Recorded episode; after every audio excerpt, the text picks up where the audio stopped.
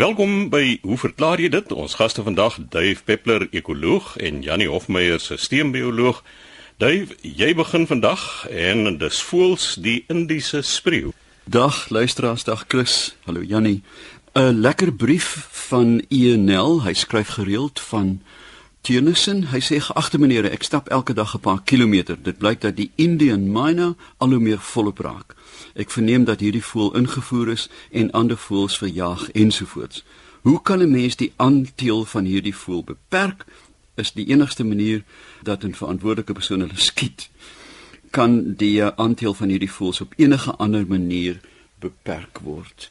Nou, die voël waarvan ons praat, raas so.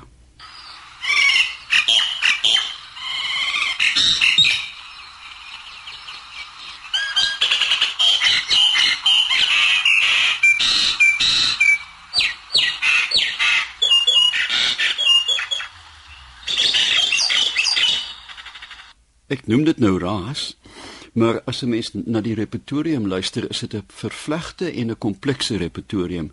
Hierdie diere, hierdie voëls, word reg oor die aarde aangehou as nabootsers. Hulle maak selfone, motordeure, kinders, babas, ou mense wat kla enige iets volkome na. En dit is juist die probleem. Hierdie is die gelyke van die papegaai op die seerower se skouer en mense dra die bloody goed die wêreld vol rond en dan omdat hulle spreeus is en baie slim is, maak hulle hulle hokke oop en vlieg weg. Hulle is Acridoteres tristis as gevolg van hierdie droewige sang, maar natuurlik ek dink hulle is beskryf voor hulle begin naboots dit. Hulle is ook familie van die Sternidae, ons bekende spreeus en hulle is omnivore. Nou hou alles die in gedagte 'n omnivoor is gewoonlik baie meer suksesvol as 'n spesialis wat net byvoorbeeld grondpotjies of um, spookasem eet. Nou ja, die IUCN, die International Union for the Conservation of Nature, beskou hierdie spiro as een van die derde ergste voelindringers op aarde, naas die Europese spreeu en 'n vreemde ding van Hawaii wat ek nie kan uitspreek nie as 'n mens kyk na die aggressiwiteit van die van die indringing, is dit tangensiaal, jy weet met tyd skiet dit eenvoudig net eenvoudig die hoogte in. Oorspronklik kom hulle van Indië, Pakistan, Nepal, Afghanistan, China en dan daai hele klomp vreemde Russiese Turkmenistan, Kyrgyzstan, vreemde plekke. En natuurlik het hulle as gevolg van hulle komplekse stemme kan 'n mens dan ook verwag dat hierdie voëls 'n taal het, byna soos ape, ons blou aap wat omtrent 60 verskillende woorde het, luis lang, dier, mens, hier kom die boer en so aan. Het hierdie spreeus ook waarskuroepe, maar dan die ergste van alles en ek dink dit is waar die beskrywende naam Tristus vandaan kom, sawens sit almal in 'n boom en skree vir mekaar. Nou in die somer skree die mannetjies vir mekaar en die winter skree almal vir mekaar. Hulle paar vir 'n leeftyd lank, soos baie ander voëlspesies, papegaaie byvoorbeeld, maar ek dink deesdae as 'n mens dit goed begin dophou en veral met genetiese studies vind jy uit daar's 'n klomp skelmstreke wat lyk na 'n gelukkige huwelik is nie altyd so gelukkig nie. Iemand vlieg as 'n uh, paar gaan brandstof ingooi gou uh, die huis binne. Nou, hulle lê 4 tot 6 eiers, 17 tot 18 dae inkubasie en dit is 'n morsige, morsige nes. Morsige voëls het morsige neste. Dit is bekend dat hulle toiletpapier, folie en slangvelle gebruik om hierdie neste uit te voer. Dis vol luise, soos meeste van ons spreeus. Ons weet mos as jy spreeus in die dak het, krap jy in die somer in jou nek. Nou, hoekom hulle so gevaarlik is as indringers is die feit dat hulle ander neste oorneem. Nie net ander spesies nie, maar ook ander spreeus. Dit is eenvoudig 'n energiewetloop die hele tyd wie die fikste is oor donder almal. Die eiers word uitgesmy, kleintjies word gelukkig nie dood, maar hulle gooi hulle lewendig uit, is nogals beskaafd. En dan is daar die ewige kompetisie. Hulle vermoë om aan te teel is verstommend met 'n kort inkubasie van 17 tot 18 dae in Canberra in Australië is 110 vrygelaat tussen 1968 en 1971. Nou ja, dis 'n klein bevolking as jy dink aan metapopulasies. In 1991 skaars 20 jaar later, was daar 15 per vierkante kilometer. In 1994 was daar 75 per vierkante. Nou, as hierdie digthede begin inskop, dan vlieg die bevolking die hoogte in. Die probleem verder is dat die neste geute en dreineringspype blokkeer. Dit is nie so seer 'n probleem nie, maar nou kan jy dink met al hierdie mus en reste van neste wat dan in 'n geblokkeerde geet lê. Jan, ek dink jy sou weet. Nou dit vorm 'n perfekte broeikamer vir siektes. Ons weet van gebou, siek gebou sindrome waar vreemde organismes swamme dan begin groei en die probleem is dan dat 'n inlaat van 'n lugreëlaar lê bo oor hierdie broeikamer en pomp dit eenvoudig die hele gebou vol. Hoe kan 'n mens hulle beheer? Nou ja, daar is 'n ding bekend as 'n geweer wat dit doen, maar nou te gaan kyk vir die wat wil belangstel, gaan kyk by indianminerproject.com uit Australië. En hulle praat toe oulik eufemisties van cervical dislocation. Met ander woorde nek omdraai. Hoe om sy nek netjies om te draai? Maar as jy dit eers gevang het. Nou ja, maar dan is daar 'n hele aantal baie effektiewe hokke, drie modelle waar jy die sukses van die vangs bepaal, hoeveel voels daar, hoe meer daar is, hoe meer word gevang, want hulle is uiteraard groepdiere. En dan sit jy die hele ding in 'n vuilgoedsak en met 'n uitlaatgas of 'n kannetjie CO2 vergas jy hulle, maar nie soos ons dink met 'n ons volkskonsert nie. Ek dink dis hoogtyd dat in Suid-Afrika gekyk word na hierdie voël veral in Gauteng. Hulle verdring eenvoudig alles. Hulle is nou in Kaapstad opgemerk. Hulle is nou in simfonie met die huiskraai en die twee saam kan ewige skade berokken. So meneer Nel, ek hoop dis genoeg inligting om jou um, kwaad te kry en 'n plan te maak. Gaan kyk gerus by indiaminerproject.com met 'n hele suite van beheermaatreëls en voorstelle hoe jy die nesplekke om jou huis kan beperk. Ek hou vol dat ons nog nooit geleer het in Suid-Afrika om 'n voelvriendelike argitektuur te ontwikkel nie. Kyk na die universiteitskampus, daar is duwe mis genoeg om uit te voer as gevolg van slegte denke. Jy kan eenvoudig net 'n hoek aan 'n vensterbank sit en die ding kan nie daarop sit nie. So, 'n uh, lekker vraag en dit was heerlik om na te vors. Dave, kan ek net gou vra, daar is heelwat kommer oor uitheemse eende wat met ons inheemse eende verbaster. Nou jy het gesê hulle paar lewenslank, maar is daar geen sprake dat hulle moontlik met ons inheemse spreeus kan paar nie? Chris jy verwys nou die mallard, 'n Europese spesies wat verbaster met die geelbek eend. En 'n mens kan vreemd nie vreemd nie, interessant genoeg kan jy die mate van verbastering baie maklik bepaal deur die lengte van die swart saal op die bek te meet. Daar's 'n pragtige verband met kontaminasie en die lengte van die saal. Een van ons studente het dit uitgewerk. Dank die Vader dat hulle nie met ons preu sal teel nie, presies net soos die huismossie nie met ons Kaapse mossie sal uitbaster nie. En dan wat die beheermaatreëls betref, ek onthou 'n hele klomp jare gelede, seker nou al 'n goeie 2 dekades, was daar 'n poging om die mak of wilde makduwe in Kaapstad in toom te hou en dat daar een of ander kos aan hulle voorgesit is wat met 'n voorbehoedmiddel behandel is. Nou as 'n mens vandag so kyk, het dit duidelik nie gewerk nie. Chris, die hele kwessie van dierebeheer deur hulle fertiliteit beheer is 'n absolute klug. Jy weet, as jy neem bobbejane, hulle sê ja, steriliseer, kastreer en jy weet, bind buisies af. Jy het eenvoudig 'n steriele krimineel wat met dieselfde kwaad doen. 'n Steriele duif beskuit geboue net soos een wat nie gesteriliseer is nie. Dit is 'n werklik 'n humanitêre oorweging om te dink dat ons verplaas ons humanisme op 'n die dier, ons wil nie hulle moet ly nie. Ongelukkig is daar in die uh, bewaringsfilosofie 'n aantal riglyne wat goed is vir die mens is eintlik die antwoord. Triestig soos dit mag klink. En dan as jou geboue bevuil word, vang jy hulle en jy maak hulle dood. Verkieslik eet jy hulle ook. Veelvuldige gebruik, daar is niks fout met die duwe nie, jy moet hom net goed kook. So as 'n mens dan 'n veeldoelig met hulle kan omgaan nog te beter, maar moenie steriliseer nie.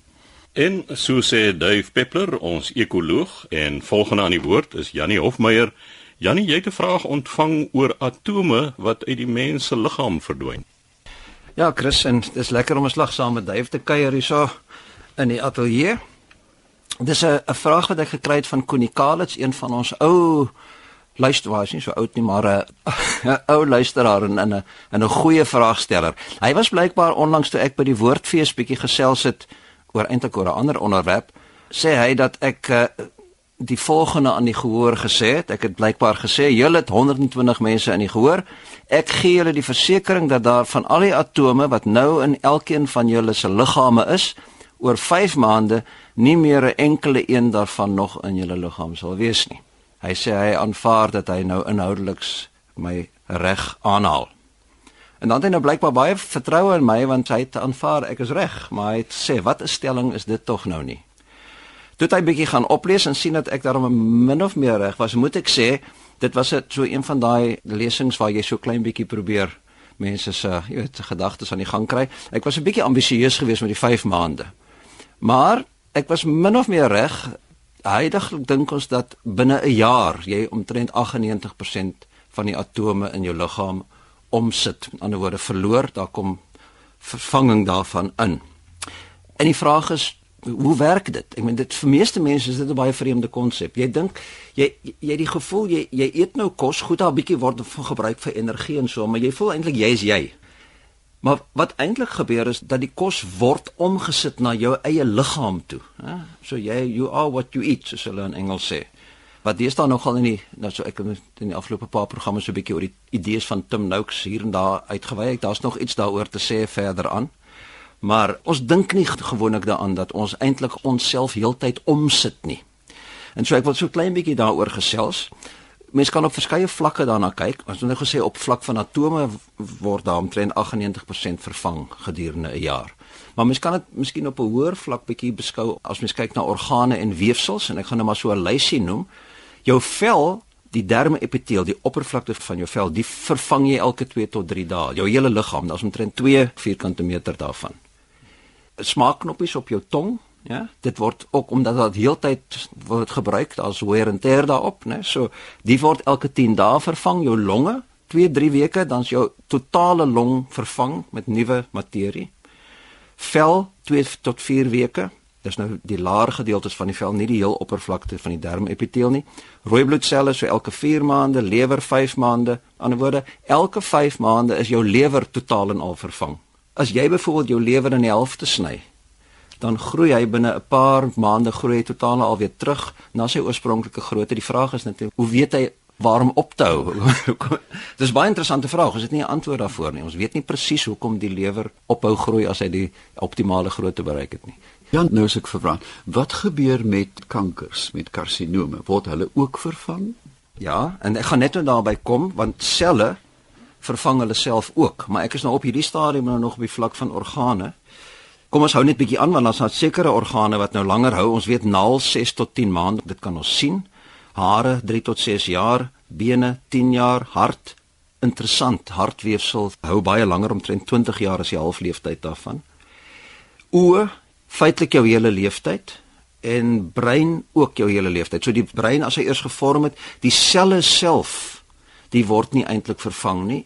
Maar ek gaan net nou daarby kom wat die sel is besig om homself heeltyd te vervang ook. So dit hang af op watter vlak mens daarna kyk. Eintlik moet mens as mens nou wil 'n antwoord gee op die omsetting in terme van atome, moet jy eintlik gaan na die eenheid van lewe wat die sel is. En daar is twee maniere waarop 'n sel doodgaan. Die een is wat hulle noem nekrose, met ander woorde dis wanneer daar premature traumatiese seldood is as gevolg van een of ander besering van die sel, né? Dis eksterne faktore wat dit veroorsaak. Maar ander selle, die gaan dood deur 'n natuurlike proses, is eintlik 'n geprogrammeerde proses wat ingebou is in die selle se genoom. Dit staan bekend as apoptose. Die ander woord daarvoor is geprogrammeerde seldood. So dan gaan op hierdie manier met apoptose omtrent 50 tot 70 biljoen selle per dag in 'n volwasse mens dood weens apoptose. En uh, as jy dit vergelyk met die 37.2 maal 10 tot die mag 12 selle in die liggaam, né? So 37.5 triljoen, dan is dit ook nou nie so baie nie, maar dit is nog steeds 'n hengselklomp selle wat wat elke dag doodgaan. 20 tot 30 biljoen in 'n 8 tot 10 jarige kind. En dit is selle wat dan doodgaan as gevolg van 'n program binne in die sel wat hulle moet doodgaan. Hulle is destined to do so, soos hulle sê. As mens kyk na binne in die sel, want natuurlik selle bestaan nou uit verskillende soorte molekules, baie van hulle groot molekules soos proteïene, dan is die halfleeftyd van hierdie ook wisselbaar omtrent kollageen wat so 117 jaar halfleeftyd het. So dis die proteïen wat die bindweefsel tussen selle vorm. Dit hou baie lank in jou oog, die kristallien proteïen halfleeftyd van groter as 70 jaar, so dit hou ook baie lank, maar dan is daar ander proteïene wat hierso so tussen 9 tot 3 uur halfleeftyd het. Die name beteken nou niks, maar RFC1 is 'n proteïen met 'n 9 uur halfleeftyd. RPS8 een met 'n 3 uur halfleeftyd en dan is daar ensieme wat baie vinnig omgesit word. Daar's 'n ensiem in die naam van ornithine karboksilase byvoorbeeld, die hou vir 11 minute. Dan word hy vervang. So daar's heeltyd prosesse binne in die sel wat besig is om die molekules te vervang. So die mooi manier om dit te verstaan dink ek is om vir jouself af te vra Wat is die grootste uitdagings wat enige lewende organisme vanaf die kleinste bakterie tot ons komplekse mense? Wat is die mees basiese uitdagings wat ons elke dag mee te kamp het? En die eerste een is natuurlik hoe onderskei ons onsself van die res van die wêreld? Nee, jy moet jouself sorg dat jy nie verdamp in die res nie. Jy moet op 'n manier met elke organisme homself begrens. So dis 'n groot probleem. Die ander is hoe binne die beperkings wat jou genoom op jou plaas met ander woorde die instruksies vir die soort proteïene wat jy kan maak hoe kan jy aanpas by die fluktuasies van die, die alledaagse lewe gedurende jou lewenstyd so daar moet adaptiewe meganismes wees wat jou toelaat om daarbey aan te pas. Dan natuurlik as ons oor generasies heen kyk en jy kyk na veranderende omgewing moet daar elke organisme in of 'n lyn van organismes moet 'n manier hê om te kan aanpas En dit weet ons nou gebeur natuurlik deur natuurlike seleksie op grond van klein modifikasies wat met elke voortplanting voorkom. Maar die grootste probleem en dit onderlê eintlik almal van hulle is die idee dat jy is gemaak uit materiaal wat beperkte lewensduur het. Elke liewe molekuul in jou liggaam is breekbaar, fragiel, né? En so die grootste probleem wat lewende stelsels het, is om langer te bly voortbestaan as die lewensduur van die komponente waaruit jy gebou is. Soos as, as jy jouself as 'n chemiese fabriek beskou, dan is jy eintlik 'n chemiese fabriek wat heeltyd besig is om jouself te maak. So elke sel in jou liggaam het daai probleem, is dat alles is breekbaar, alles moet vervang word heeltyd.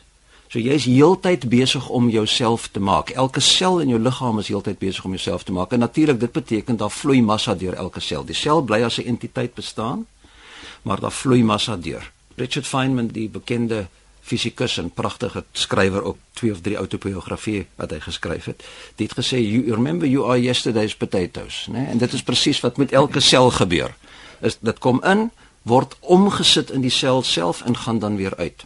So een van die vrae wat Koenie nou vra hierso, hy wil weet hoekom is dit? Is dit nou omdat dit nou gaan beter werk later as 'n sel vervang word? Of is dit maar net 'n bloot 'n nuwe molekuul vir 'n oue? En dis letterlik dit dis maar net bloot 'n nuwe molekuul vir 'n oue. Die vervanging is om jou aan die gang te hou as 'n entiteit om jou te laat bly voortbestaan as 'n entiteit. En natuurlik hy sê hoe verlaat hy die 60 tot 120 kg vervangende materie oor 'n periode? Nou in, in geval nou 12 maande sê die liggaam. Sekerlik via die uitvalwerke sê hy Nou natuurlik moet dit wees want wat inkom moet uitgaan, né? So dan as jy dieselfde massa wil bly en jy neem 'n klomp massa in, dan moet dit natuurlik via 'n sekere stelsel uitgaan. Daar's natuurlik behalwe die uitvalwerke net eenvoudige gasse, né? Koolstof, al die koolstofverbindings wat verbrand word in jou liggaam, die gaan deur jou longe uit as CO2. Jy verloor natuurlik water. So fenomeen van atome wat uit jou liggaam verdwyn is deel van enige lewende stelsel van soos ek gesê het van 'n bakterie tot by 'n mens as gevolg van die feit dat ons onsself heeltyd moet vervang omdat ons gebou is uit fragiele komponente. Koenie, ek hoop dit gee so klein bietjie meer inligting oor hierdie fascinerende onderwerp. Ja, nee, twee dinge kom by my op. Die een is die pragtige liriek van Joni Mitchell van Woodstock, We are stardust, we are golden, die een nê dat daar 'n vervlegtheid is dat hierdie elemente of atome nie in isolasie verdwyn nie maar weer opgeneem word op baie ander vlakke. En die ou storie van die kans is baie goed dat daar 'n bietjie sout van Henry die 8ste se urine in jou cola is. Jy weet hierdie goed word hergebruik gedurig en dan net 'n vraag Wat doen selle by byvoorbeeld die eh, soutgarnale in die Namib wat insisteer en daar lê 'n eier vir 70 jaar en wag vir die reën? Dis natuurlik 'n baie baie interessante vraag. As jy net daar's baie organismes wat spore kan vorm wat dan totaal al inert word en vir millennia kan lê en dan as hulle in die regte kondisies kom weer water opneem want hulle word natuurlik droog in die proses, water opneem en dan weer begin funksioneer. Dis 'n probleem wat ons nog nie eintlik verstaan nie. Maar op een of ander manier is daar in die struktuur wat behoue bly die vermoë om weer aan die gang te kom. Nou ons weet byvoorbeeld baie van die proteïene wat natuurlik nou dis proteïen bestaan uit 'n klomp aminosure, 20 aminosure wat dan in kombinasies in 'n lang ketting gevorm word, 'n polimeer en die ding kan dan in die regte kondisies opvou na 'n aktiewe funksionele struktuur toe. So jy kan nou byvoorbeeld 'n proteïen neem, jy kan dit in 'n situasie plaas byvoorbeeld deur hoë soutkonsentrasies dat die proteïen ontvou as 'n onfunksioneel en as mens dan daai sout weer uithaal deur die proses van dialyse sodat jy nou weer die normale waterige omgewing met die regte sout ioniese sterkte skep, dan vou die proteïen van self weer op na sy aktiewe struktuur toe. So daar's 'n voorbeeld van hoe jy proteïen kan plaas in 'n kondisie waar hy eintlik nie kan funksioneer nie en as jy weer die regte kondisie skep dan spontaan neem die proteïen weer die regte konformasie, 'n funksionele konformasie in. So dit moet deel wees van hierdie proses van 'n spoor wat weer water opneem, gehidreer word en op 'n manier dan nou weer funksie hervat. En dis 'n fascinerende storie. Janie, met ander woorde, as iemand vir jou sê ek is 'n nuwe mens, dan is dit letterlik waar, dis nie beeldspraak nie. Jy is heeltyd 'n nuwe mens, elke sekonde is 'n klein bietjie van jou nuut. Dit was Janie Hofmeyer, ons stelselbioloog. daarmee het ons ook aan die einde van ons program gekom. Jy's welkom om te skryf aan hoe verklaar jy dit posbus 2551 Kaapstad 8000 of stuur 'n e-pos vir chris@rsg.co.za